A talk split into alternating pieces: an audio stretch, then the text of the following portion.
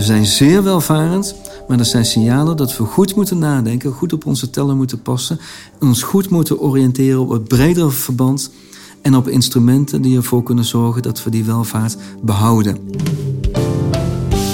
Al dus hoogleraar transities van economie en samenleving aan de Universiteit Utrecht, Bas van Bavel. In zijn boek De Onzichtbare Hand, hoe markteconomieën opkomen en neergaan, beschrijft hij hoe markteconomieën door de eeuwen heen een cyclus hebben doorlopen van opkomst, bloei en verval.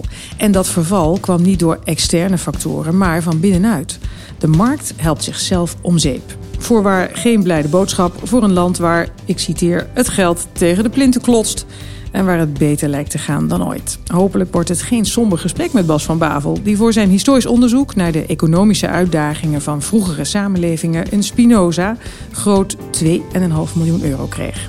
Bezoek onze website of volg ons op Twitter en Facebook voor meer verhalen uit de wetenschap. Mijn naam is Karin van den Boogaard. Welkom Bas van Bavel in de podcast van Wetenschap.nu. Fijn dat je daar tijd voor vrij kon maken, want andere Spinoza-laureaten hebben al verteld hoeveel tijd het kost zo'n Spinoza winnen. Heb jij daar ook mhm. ervaring mee?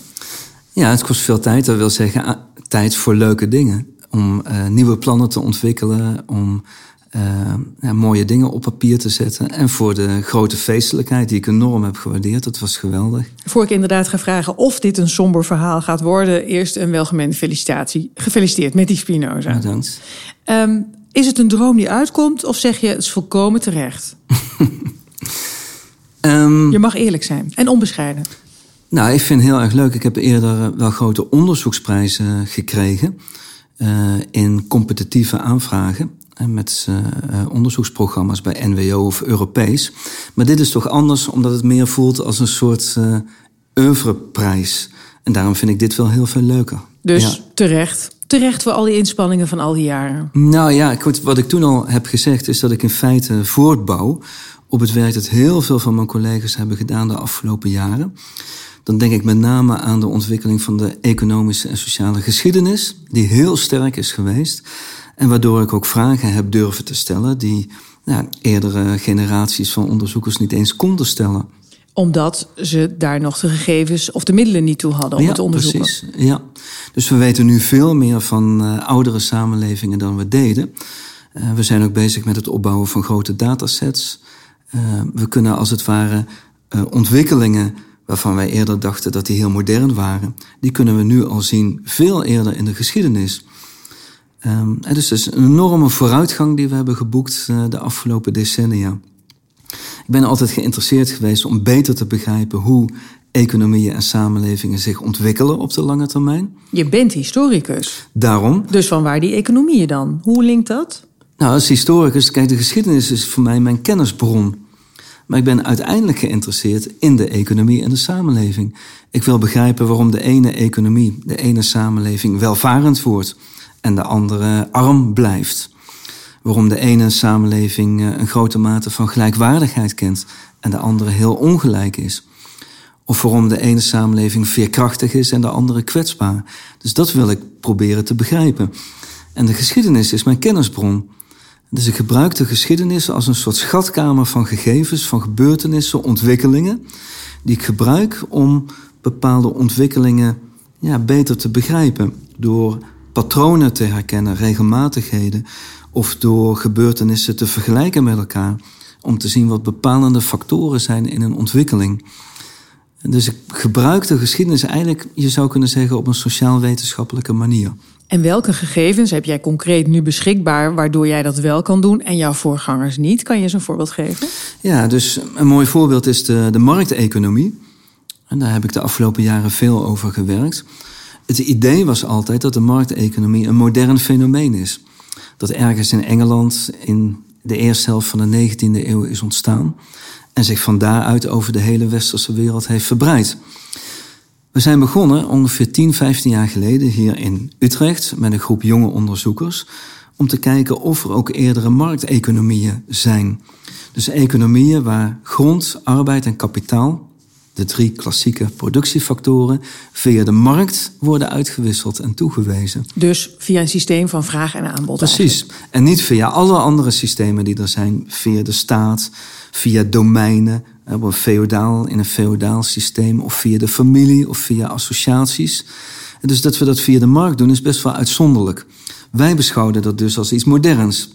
Maar toen bleek ons dat er toch een paar gevallen zijn in de geschiedenis, hele pregnante, waarin de markt ook dominant was. Zoals Nederland vanaf de 16e eeuw, maar nog eerder Italië vanaf de 13e eeuw en nog eerder Irak vanaf de 8e eeuw. En die oudere markteconomieën die hebben allemaal een ontwikkeling doorgemaakt, een ontwikkeling van twee à drie eeuwen, van opkomst en bloei, maar ook weer van neergang. En dat bood de kans om te analyseren waar zitten dan de factoren in die omslag van bloei naar neergang. Dus eigenlijk heb jij je vraagstelling anders geformuleerd, waardoor je uh, op een andere manier naar die geschiedenis ook bent gaan kijken. Ja, ik denk je kunt op verschillende manieren kun je de uh, geschiedwetenschap beoefenen. Je kunt geïnteresseerd zijn in gebeurtenissen, in grote personen. En dat kun je vastleggen in biografieën of iets dergelijks. Je kunt ook, uh, maar je kunt ook de geschiedenis gebruiken om grote theorieën uit de sociale wetenschappen te toetsen. Theorieën die zijn ontwikkeld in de economie of in de sociologie bijvoorbeeld. En dan biedt de geschiedenis heel veel mogelijkheden en is ook heel relevant, omdat de economie als discipline of de sociologie, die hebben eigenlijk geen kans om die grote theorieën te toetsen aan lange termijn ontwikkelingen. Die zullen dus eerder kijken naar de korte termijn, of die zullen eerder, wat je vaak ziet in de economie, een, een, uh, in abstracties denken. Dus abstraheren, waardoor toch bepaalde inzichten ver van de werkelijkheid komen te staan. Nou, de geschiedenis, geschiedwetenschap, is een empirische wetenschap. Je werkt op basis van dingen die gebeurd zijn en de bronnen, de gegevens die dat heeft achtergelaten. En die gebruik ik vervolgens om die grote theorieën en concepten te toetsen. Dus de geschiedenis voorziet die ontwikkelingen van een diepere laag eigenlijk? Ja, van een tijdsdimensie. Hoe kan dat nou dat nog niemand eerder dat had gedaan? Want dat komt dan op jouw konto. En op de groep hier in Utrecht, zoals je beschrijft. Nou ja, inderdaad wel de groep in Utrecht. Want uh, mijn voorgangers uh, als uh, hoogleraren economisch sociale geschiedenis... die zijn hiermee begonnen om dit te doen. En ik profiteer ook van het feit dat we in Utrecht een hele sterke samenwerking hebben... waar ik zelf ook veel energie in probeer te steken... tussen aan de ene kant historici en filosofen uit de geesteswetenschappen en mensen uit de economie, de sociologie, de psychologie, uit de sociale wetenschappen. Dus we werken veel samen, we wisselen veel uit. Dus we raken ook veel meer vertrouwd met onze werkwijze. En we kunnen elkaar ook verder uh, daarin helpen. Dus daar heb ik ook heel veel aan gehad. Nou, dat levert, uh, ik zou bijna zeggen, verrassende inzichten op. Uh, zoals jij die net al beschrijft, en zoals je die ook beschrijft in jouw boek, De Onzichtbare Hand, hoe markteconomieën opkomen en neergaan. Uh, zometeen graag veel meer daarover. Uh, we zitten hier in jouw werkkamer aan de Witte Vrouwenstraat in Utrecht. Ooit de vieste straat, geloof ik, uh, qua luchtkwaliteit. hoe is het nu? Ik denk nog steeds wel een van de viezere. Maar in Utrecht zie je wel een omschakeling van autoverkeer naar fietsverkeer waar uh, de gemeente heel veel aan doet. Dus langzamerhand wordt het uh, beter. En het is hier ook behoorlijk druk. Nou, dat gaan we op de achtergrond uh, allemaal meemaken. Maar dat hoort er gewoon allemaal bij. En jouw werkkamer rondkijkend, waar is die? Dat beeldje van Spinoza? Dat heb ik thuis staan. vind ik leuker. Ik vind het ook een mooi beeldje, maar ik vind het ook leuk als het thuis staat. Je hebt het al in een notendop omschreven, Bas van Bavel. Um, je onderzoek richt zich op het bestuderen van door marktwerking gedomineerde beschavingen. En die blijken dus uh, zonder uitzondering dezelfde cyclus door te maken: opkomst, bloei en verval. En jij noemde net al de drie beschavingen die jij vergeleken hebt, de drie uh, markteconomieën. En die zijn op het oog onderling uh, zeer verschillend, zowel in tijd als in plaats. Niemand had gedacht aan Irak en aan het middeleeuwse Italië en, en dan ook nog Nederland. Hoe zijn die is de vergelijking tussen die drie tot stand gekomen? En die is tot stand gekomen niet door uh, me te focussen op deze drie, want dan zou je in feite doen aan een vorm van inlegkunde, inductief werken. Maar die is tot stand gekomen door eerst onderzoek te doen naar alle mogelijke gevallen van markteconomieën in de geschiedenis. Dus het zijn niet drie willekeurige gevallen, maar het zijn alle gevallen die er zijn en waarvoor we voldoende gegevens hebben om ze te onderzoeken. Er zijn nog een paar andere uh, die waarschijnlijk als markteconomie zijn te kwalificeren. Maar die hebben vaak niet voldoende bronnen nagelaten om ze goed te kunnen onderzoeken. En dat zou bijvoorbeeld China kunnen zijn in de Songperiode, 12e eeuw. Misschien zijn er nog één of twee andere. Maar, en dan de moderne markteconomieën. Dus Engeland in de vroegmoderne tijd tot en met nu. De Verenigde Staten vanaf het begin van de 19e eeuw. En dan Noordwest-Europa, waaronder ook Nederland, vanaf het uh, laatste kwart van de 20e eeuw. Maar dat zijn alle markteconomieën die we hebben. Markteconomieën strikt gedefinieerd, dus economieën waar grond, arbeid en kapitaal via de markt worden uitgewisseld en toegewezen. Dat is een strikte definitie. En je zou ook kunnen kijken naar economieën waarbij uh, alle goederen, diensten en producten via de markt worden uitgewisseld. Maar dat zijn er heel veel. Vind ik ook niet zo'n hele belangrijke uh, graadmeter. Dan zijn eigenlijk alle economieën zijn wel markteconomieën. Maar dat je de, de productiefactoren, dat zijn in feite de bouwstenen van het leven.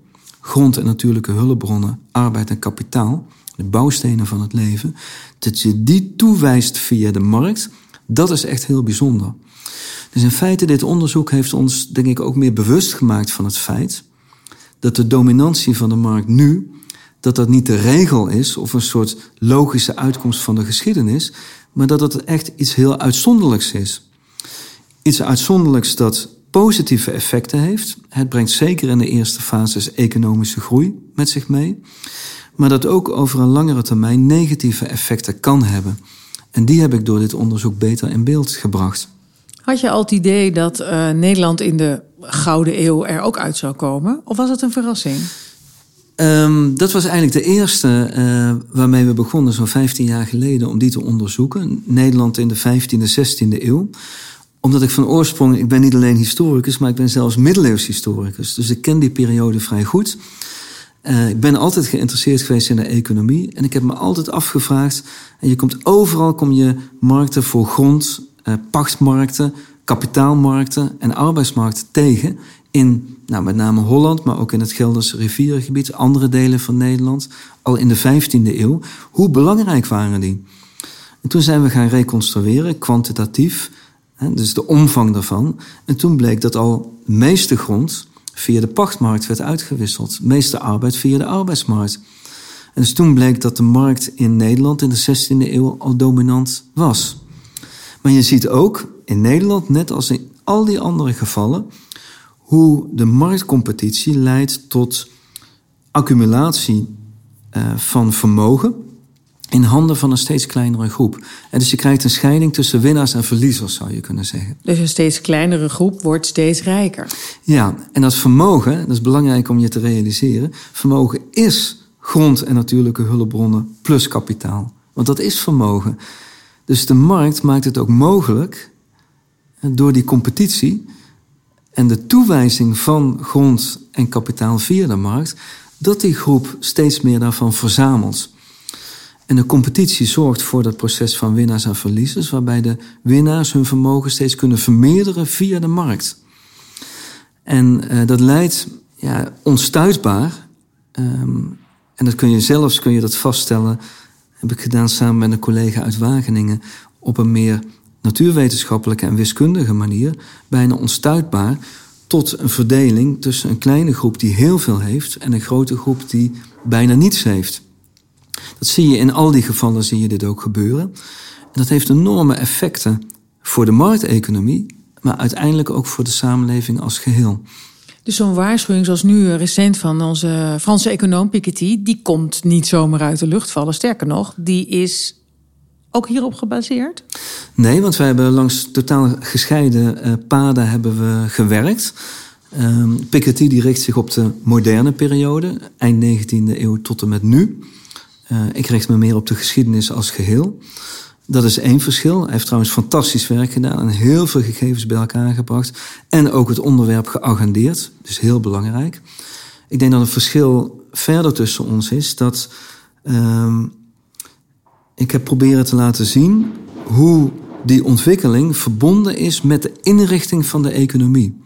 Dus het feit dat het een markteconomie is, dat is voor mij een heel bepalende factor in het verloop van dit proces. Bepalend is hoe het systeem is ingericht. Ja, en dan zou je ook nog kunnen nadenken over situaties waarbij er andere systemen worden gebruikt. Zoals de staat als dominante factor in de toewijzing van grond, arbeid en kapitaal, of de familie, of de associatie, of de gemeenschap. En dus ik bekijk het iets breder. En dat is ook de lijn waarlangs ik de komende jaren verder wil gaan. Want niet al die systemen die hebben ditzelfde effect, zou mijn stelling zijn. Oké, daar ga je mee verder. Maar daar gaan we straks nog even over hebben. Is het dan zo dat in al die drie markteconomieën die jij nu bestudeerd hebt, waar je het nu over hebt, uh, de overheid, nou ja, goed, niet natuurlijk de overheid zoals we die nu kennen, helemaal geen rol speelde? Nee, die speelt juist een grote rol, maar die is wel als het ware ondergeschikt, of die wordt steeds meer ondergeschikt aan de markt. Er is wel eens het idee van markt en overheid of staat, dat zijn tegenstellingen. Maar in feite is dat niet zo. De markt, markteconomie, heeft juist een sterke staat nodig. Alleen al om het eigendomsrecht af te dwingen en te beschermen en vast te leggen. En dus die twee die groeien juist samen met elkaar op. Waarbij in een markteconomie de staat steeds meer ondergeschikt wordt aan de markt. En met name aan de marktelite.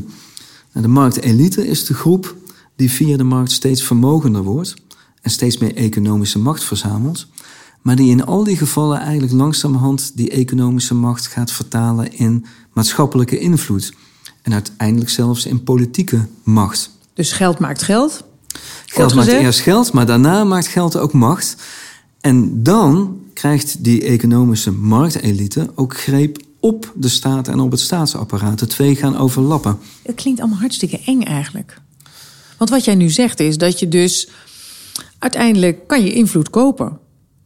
Ja, dat is, en beslissingsmacht. Ja, dat is iets te. Of gaat dat te ver? Dat gaat te ver en dat gaat te snel. Ja, al die samenlevingen, en dat geldt ook voor de hedendaagse markteconomieën, kennen een grote mate van politieke participatie. Nederland in de 15e eeuw, het was geen parlementaire democratie zoals wij die nu hebben, maar het kende een zeer grote mate van betrokkenheid in besluitvorming, met name op lokaal niveau. En dus parlementaire democratie is één manier om dat te regelen, maar er zijn ook andere manieren. Die waren heel sterk in Nederland in de 15e, 16e eeuw. Dus het is niet zo dat die samenlevingen volkomen weerloos waren tegen dit proces. En die hebben zich er ook tegen verzet. Maar heel geleidelijk zie je toch in de loop van een eeuw hoe die economische macht steeds meer wordt omgezet in politieke macht. Met alle gevolgen van dien. Want als je politieke macht hebt, kun je ook weer uh, wetten en regels veranderen. Misschien wel aanpassen aan wat jou zelf het beste uitkomt. Ja, met name de inrichting van de markt. Waardoor de markt steeds, zelf steeds ongelijker wordt. En het proces van toenemende ongelijkheid versterkt. Nou, als je dat ziet en je dat realiseert, dan ga je je ook afvragen van wat gebeurt er nu? Ik denk dat je bepaalde tendensen ook nu ziet met name in de Verenigde Staten, de meest rijpe markteconomie van nu. En waarbij deze regering uh, van Trump ook vijf of zes miljardairs in de regering heeft. Ook de meeste uh, leden in het congres uh, miljonair of multimiljonair zijn. Dus daar is een soort overlap ontstaan, die ook ertoe leidt dat bepaalde wetten, regelgeving worden aangepast bijvoorbeeld het erfrecht wordt versterkt. Dat wil zeggen, de erfbelasting die wordt verminderd. Ehm, en je ziet op allerlei manieren zie je stappen die worden gezet, die dat proces van ongelijkheid versnellen. In een hedendaagse democratie. Zelfs een hele sterke, trotse democratie. En het gebeurt toch. Dus dat stelt vragen bij het vermogen van hedendaagse democratieën om weerstand te bieden aan dit proces. Dus dat is een waarschuwingssignaal. Dat is een waarschuwingssignaal. En dat heb je toch eigenlijk al afgegeven, want jij hebt die cyclus geformuleerd van uh, opkomst, bloei en verval. Hoe lang duurt zo'n cyclus trouwens? Alles bij elkaar drie eeuwen. Uh, waarbij de opkomst van de markt, en dat is de eerste fase, die kan wel een halve eeuw, een eeuw duren. Dan heb je de periode van de bloei van de markteconomie, waarin die samenlevingen ook echt heel welvarend zijn. Maar tegelijkertijd zie je toenemende ongelijkheid. Dat is ongeveer een eeuw. Ik zou zeggen in Nederland, in de Republiek van nou, begin 16e eeuw tot begin 17e eeuw. En dan zie je de periode waarin die ongelijkheid ook wordt vertaald in politieke ongelijkheid. En er ook economische neergang optreedt. Nou, dat zou dan de rest van de 17e eeuw en de 18e eeuw zijn in Nederland. En jij beschrijft net de Amerikaanse economie als een mhm. zeer rijpe markteconomie, waar die uh, politieke elite, hè, dat zijn al die uh, miljardairs, miljonairs, die al dus heel veel invloed hebben via de politiek. Um, hoor ik daaruit dat deze zeer rijpe economie uh, binnenkort als een soort puist op uitbarsten staat? Nou, in al die gevallen, dat is het interessante, vindt er geen explosie of uitbarsting of wat dan ook plaats. Dus dit is helemaal niet spectaculair. Het is gewoon een hele langzame economische neergang, gecombineerd met toenemende economische en politieke ongelijkheid. En wat kenmerkt dan die neergang? Want uh, trouwens, de, de, de, verschillen in Amerika, het is wel een hele prachtige markteconomie, maar de verschillen tussen rijk en arm zijn daar echt veel groter bijvoorbeeld dan nu in ons eigen land. Hè? Die zijn, uh, zijn groter qua inkomen, maar qua vermogen zijn die in Noordwest-Europa en Engeland ook vrij groot geworden. Um, het verschil is dat in Amerika zie je echt al de neergang van uh, modale lonen, van koopkracht, al een vrij lange periode. Eigenlijk al een jaar of dertig of veertig. En je ziet nu dus de volgende stap, dat de politieke macht in handen komt van diezelfde kleine groep vermogenden. Dus dat is zeg maar de laatste fase hierin. Uh, ik dus denk, dat systeem explodeert niet op een zeg maar, spectaculaire manier. Precies. Als een soort vulkaan die uitbarst. Nee. Maar dat is een heel geleidelijk, geleidelijk proces. sluipend proces, zou je misschien nog al kunnen Ja, zeggen? van neergang en implosie zou ik zeggen, eerder dan explosie. Nou, dat betekent denk ik ook wel voor nu, voor Noordwest-Europa, voor Nederland, dat we hierover kunnen nadenken. En dat we dus niet als vanzelfsprekend moeten ervaren wat we nu hebben. En moeten nadenken hoe we dit proces kunnen stuiten, kunnen omkeren. Ik spreek met Bas van Bavel, hoogleraar transities van economie en samenleving aan de Universiteit Utrecht. Spinoza heeft hij gekregen in 2019 en 2,5 miljoen euro is daar gekoppeld. En straks ga ik aan hem vragen wat hij ermee gaat doen. Heeft hij net al een beetje verteld, maar dan wat uitgebreider. Hoe zijn we eraan toe in Nederland? Want dat exposé van net, uh, Bas, als we dat op Nederland gaan projecteren. Hoe ver zijn wij in die cyclus van uh, opkomst, bloeien en vooral? Ja, wij zijn in die cyclus staan we eigenlijk aan het begin.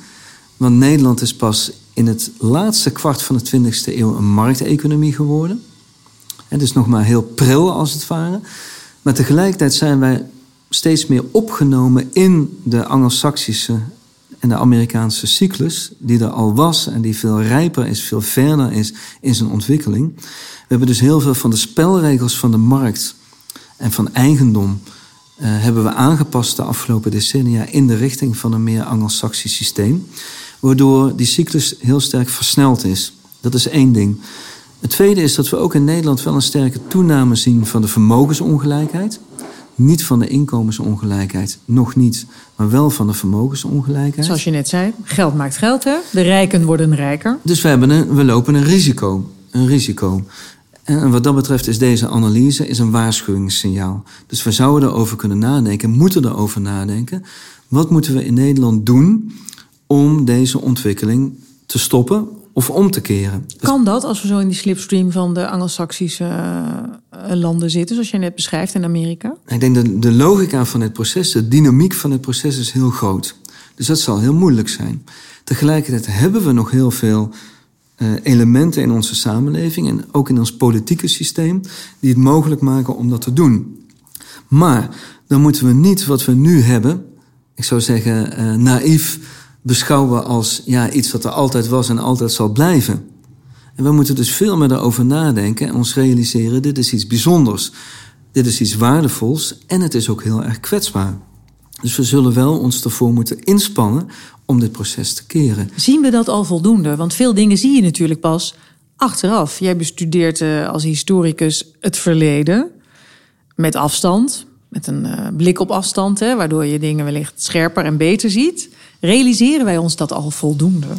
We hebben nu voor het eerst, dankzij de ontwikkeling in de sociaal-economische geschiedenis, waar we het net over hadden, hebben we de kans om te begrijpen wat er gebeurt. Namelijk, door te zien wat er in eerdere markteconomieën is gebeurd, kunnen we wat er nu in Nederland gebeurt in een ruimer perspectief plaatsen, ook in een tijdsdimensie. En grijpen al die korte termijn politici uh, in Den Haag die kans om dat in zijn samenhang uh, te zien? Ja, ik denk steeds meer. En uh, nou, mijn boek De Onzichtbare Hand uh, is denk ik een anderhalf jaar geleden uitgekomen. Heeft ook wel heel veel impact gehad in de media. In uh, allerlei programma's, discussieprogramma's. En ook wel in de politiek en in de samenleving. Bij de maatschappelijke actoren. Dus daar ben ik blij mee. Maar ik ben daar ook positief over. In die zin dat ik merk dat ook politici die natuurlijk voor een heel ander vraagstuk staan, veel meer van een korte termijn, dat die wel openstaan voor inputs en wel willen nadenken over de ontwikkelingen die we nu meemaken. Dus ik ben daar gematigd positief over. Maar dan zouden ze ook de handvatten, de instrumenten moeten hebben om die ontwikkelingen om te keren. En die hebben ze, begrijp ik hieruit, niet uh, in, in zijn totaliteit natuurlijk. Want anders zou het heel makkelijk zijn. Ja, en er zijn twee problemen. Het ene is dat dus de dynamiek, de eigen dynamiek van de markteconomie is heel sterk.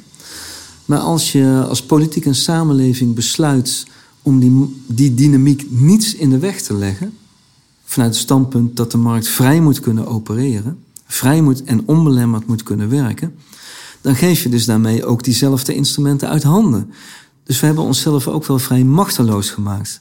Dus we hebben ervoor gekozen, een, een voorbeeld, om uh, een hele strenge kartelwetgeving in te voeren. Uh, omdat wij vonden dat kartelvorming negatief is. Nou, dat vonden we 40 jaar geleden niet. Diezelfde kartelvorming heeft ons ook best wel veel uh, in positieve zin gebracht en welvaartsgroei gebracht. Maar we hebben ervoor gekozen, en dat is toch een, als ik mag zeggen, politieke keuze, om die kartelwetgeving in te voeren. Waardoor het nu moeilijker is voor maatschappelijke actoren uh, en kleine ondernemers of uh, zelfstandigen, de ZZP'ers, om zich te organiseren. Omdat de markt niet belemmerd mag worden. Maar nu zien we wel steeds meer dat dat ook negatieve effecten met zich meebrengt. Maar we hebben dus de instrumenten, qua wetgeving en regelgeving, hebben we voor een deel uit handen gegeven. Dus dat is het vraagstuk waar we nu voor staan. Wat trouwens een politiek vraagstuk is, dus hier houdt mijn verhaal op. Jij kunt aangeven wat je hebt gevonden. Uh, ze kunnen je boek lezen en daarin moeten ze zelf conclusies trekken. Dat is wat je zegt. Ja. Je doet als wetenschapper geen aanbevelingen? Nee, behalve dan dat we zouden nadenken... als we dit proces willen stuiten en omkeren in een positieve zin... dat we wel met elkaar zouden kunnen nadenken over welk instrumentarium er eventueel is. En dus ik zou wel die maatschappelijke of politieke gereedschapskist verder willen aanvullen... Het is aan de politiek, want dat zijn politieke keuzes, welk instrument je eruit pakt. Dat is een afweging. En heb jij op basis van jouw studies al de gereedschap, heb jij al zicht op de gereedschapskist? Onvoldoende, maar dat wil ik nou de komende jaren gaan doen. Maar je weet al of er een uh, hamer en een nijptang en een boormachine en een uh, spijkers in zitten? Ja, alleen weet ik niet wat die gedaan hebben. Want ik wil op dezelfde manier als ik gedaan heb voor de markteconomie, wil ik nu voor die andere systemen gaan kijken wat zij hebben gebracht aan de ontwikkeling, wat voor eigen dynamiek ze doormaken, want die maken ook een eigen lange termijn dynamiek door, en hoe ze daarbij interacteren met de markt en met de staat. En dan wil ik zien wat voor effecten dat heeft voor lange termijn ontwikkeling, voor de welvaart. Bas van Bavel gaat kijken wat de instrumenten in de gereedschapskist uh, voor gevolgen hebben als ze worden toegepast. 2,5 miljoen daarvoor. Hoe ga je dat doen? Want het klinkt hartstikke mooi. Maar... Ja, wat ik ga doen is proberen eerst beter na te denken met een groep mensen over wat welvaart is. We hebben tot nu toe heel vaak economische groei als een soort maatstaf voor succes genomen, bruto binnenlands product per hoofd. Maar we zien steeds meer dat dat een ja, eigenlijk een heel kunstmatige en ook beperkte maatstaf is, die niet altijd iets zegt over welvaartsgroei. Dus ik wil eerst wel gaan nadenken, welvaart, wat is dat en hoe kun je die vaststellen? Hoe kun je vaststellen hoe samenlevingen in het verleden succesvol zijn geweest in het brengen van welvaart? In hun tijd, in hun periode, met hun mogelijkheden. Maar welke samenlevingen hebben dat positief gedaan? Zijn daar succesvol in geweest? Nou, ik ga welvaart definiëren in vier dimensies. Materieel welvaren, gezondheid, de kans om deel te nemen aan besluitvorming en vrijheid. En die samenlevingen die in die vier dimensies de meeste vooruitgang brengen voor de mensen in hun samenleving, die beschouw ik als succesvol. Maar dan wil ik gaan vaststellen met een groep mensen, daar ga ik ook in investeren, om te kijken, ook kwantitatief, om vast te stellen welke samenlevingen dat deden. En heb je al een idee welke kant dat opgaat? Nee, daar ben ik heel benieuwd naar. Je staat er helemaal blanco in. Ja, en dat weten we ook nog niet goed. Dan ga ik, volgende stap, kijken hoe die samenlevingen dat deden. Welk instrumentarium zij gebruikten. Misschien de markt, misschien de staat, maar misschien ook die andere coördinatiesystemen. De familie, de gemeenschap of de associatie. En de associaties zijn vrije verbanden van mensen die zich aaneensluiten, vrijwillig, om een coördinerende rol te spelen via hun associatie. Dat kan zijn een coöperatie, dat kan zijn een, uh, een, een dorps- of stadsgemeenschap. De commons, de organisaties voor de gemene gronden, zijn daar ook een voorbeeld van. En zie, zou je dan ook zomaar kunnen uitkomen bij de verzuilde samenleving van de jaren 50 in Nederland? Ja, dat is uh, interessant dat je dat zegt. Um, en uh, gilden en, en commons en zo, die klinken heel ver weg. Maar feitelijk hadden we in Nederland in grote delen van de 20e eeuw een economie en samenleving waarin de associatie dominant was. Ik denk vanaf de jaren 1920, 1930. Dan kun je denken aan de woningbouwcorporaties. Het zijn associaties van huurders. Oorspronkelijk, niet nu meer. Want ze zijn eigenlijk, nou ja, ontwricht zou ik zeggen. Uh, maar dat waren associaties van, van, van huurders die een heel groot deel van de Nederlandse woningvoorraad in eigendom hadden. En die die woningvoorraad allokeerden via het systeem van de associatie. Coöperaties van boeren? Coöperaties van boeren, de Boerenbond. Uh, coöperatieve banken, de Rabobank. Uh, zuivelcoöperaties, de Campina, enzovoort. Uh, eigenlijk alle ziektekostenverzekeraars zijn coöperatief. En dan zie je meteen dat dat hele landschap van associaties en coöperaties... dat in feite het maatschappelijk en economisch leven vorm gaf.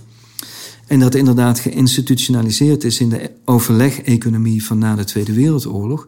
En gefunctioneerd heeft tot in de jaren 1980, 1990.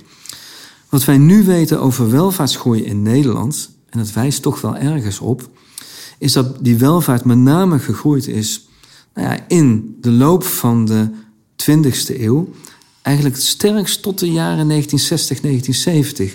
Dus in de periode dat die associaties dominant waren. En dan met als beginpunt de Tweede Wereldoorlog? Einde Tweede nee, Wereldoorlog? daarvoor al. Daarvoor al. En die, die woningbouwcorporaties zijn van voor de Tweede Wereldoorlog.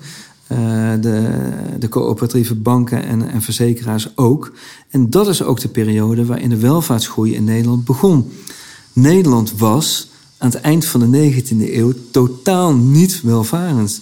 En grote delen van de Nederlandse bevolking leefden in diepe armoede.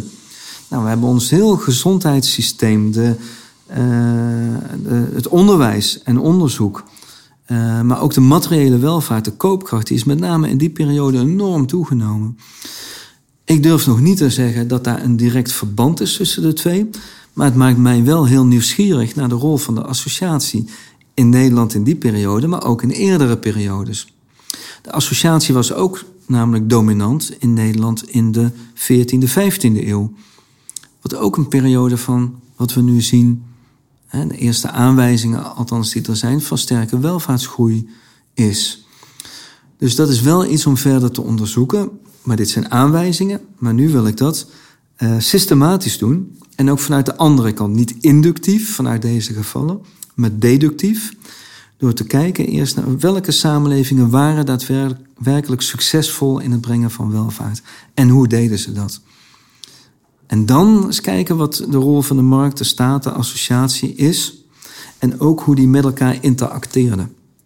Want ze zijn wel soms dominant, maar ze zijn er nooit op een eentje. Dus ze interacteren altijd met die andere systemen. Een spannend vooruitzicht. Ja. Voor de komende tijd. En daar mag jij die 2,5 miljoen uh, relatief vrij aan besteden. Ja. Heb je het voorstel al ingediend bij MWO? Nou, MWO gelukkig vraagt om een heel beknopt voorstel. En dat is ongeveer wat ik nu vertel. En uh, ik denk ook uit een zeker vertrouwen in de laureaat. En dat waardeer ik enorm. En ik ga het heel goed besteden uh, en heel doelgericht besteden. Maar ik ben wel heel blij dat ik zelf daar verder vorm aan kan geven langs deze lijnen. Ik wens je daar veel succes bij. En dit is toch allerminst een somber gesprek uh, geworden, toch? Eigenlijk niet, nee. Nou, je zei net, we zitten in Nederland eigenlijk nog aan de beginperiode. Dus we, we, we, het, het gaat straks nog beter Nee. Wat beter dan ook mag zijn. Ja, nee, we zijn nu wel heel welvarend. Ook op al die terreinen die er echt toe doen. gezondheid, woonomgeving, onderwijs enzovoort. Ook de koopkracht. Maar je ziet toch ook we hebben met elkaar in Utrecht hebben een indicator ontwikkeld, de brede welvaartsindicator, die welvaartsontwikkeling in beeld brengt. En dan zie je toch ook wel signalen die zorgwekkend zijn. Toegang tot de zorg, woonomgeving, met name voor een grote groep van huurders die steeds ongelukkiger worden met een woonsituatie. Koopkracht, waar toch een probleem mee is, ook gesignaleerd door de politiek. Dus ook daar zijn signalen. We zijn zeer welvarend, maar er zijn signalen dat we goed moeten nadenken, goed op onze tellen moeten passen, en ons goed moeten oriënteren op het bredere verband en op instrumenten die ervoor kunnen zorgen dat we die welvaart behouden. Maar kan dat lukken? Of komt dat verval er toch wel? Want dat is een wetmatigheid, heb jij net nou, bewezen. Daar hoop ik, en dat is uh, de positieve noot die ik graag overbreng. Daar hoop ik dat mijn onderzoek van de komende jaren, met behulp van de Spinoza-premie, die instrumenten kan aanreiken. Wat politiek en samenleving daarmee doen, dat is een tweede. Maar dat in ieder geval die gereedschapskist van mogelijkheden iets ruimer, iets rijker wordt. Zodat we die grote uitdagingen wellicht beter aankunnen. Veel succes daarmee. Bedankt. En dank voor dit gesprek. Bas van Bavel. Wil je meer gesprekken met andere wetenschappers luisteren? Abonneer je dan op onze podcast, zeg ik tegen eh, degene die uh, hiernaar geluisterd hebben, naar dit gesprek. We zijn te vinden op de gebruikelijke podcastplatforms. En daar zijn ook de andere Spinoza-laureaten Yvette van Kooik, Ronald Hansson en Amina Helmi. En de Stevin-laureaten Andrea Evers en Jack Pronk te horen met de plannen voor de besteding van hun 2,5 miljoen. En wil je reageren op deze podcast? Dat kan via onze kanalen op Facebook en Twitter. Dank voor het luisteren.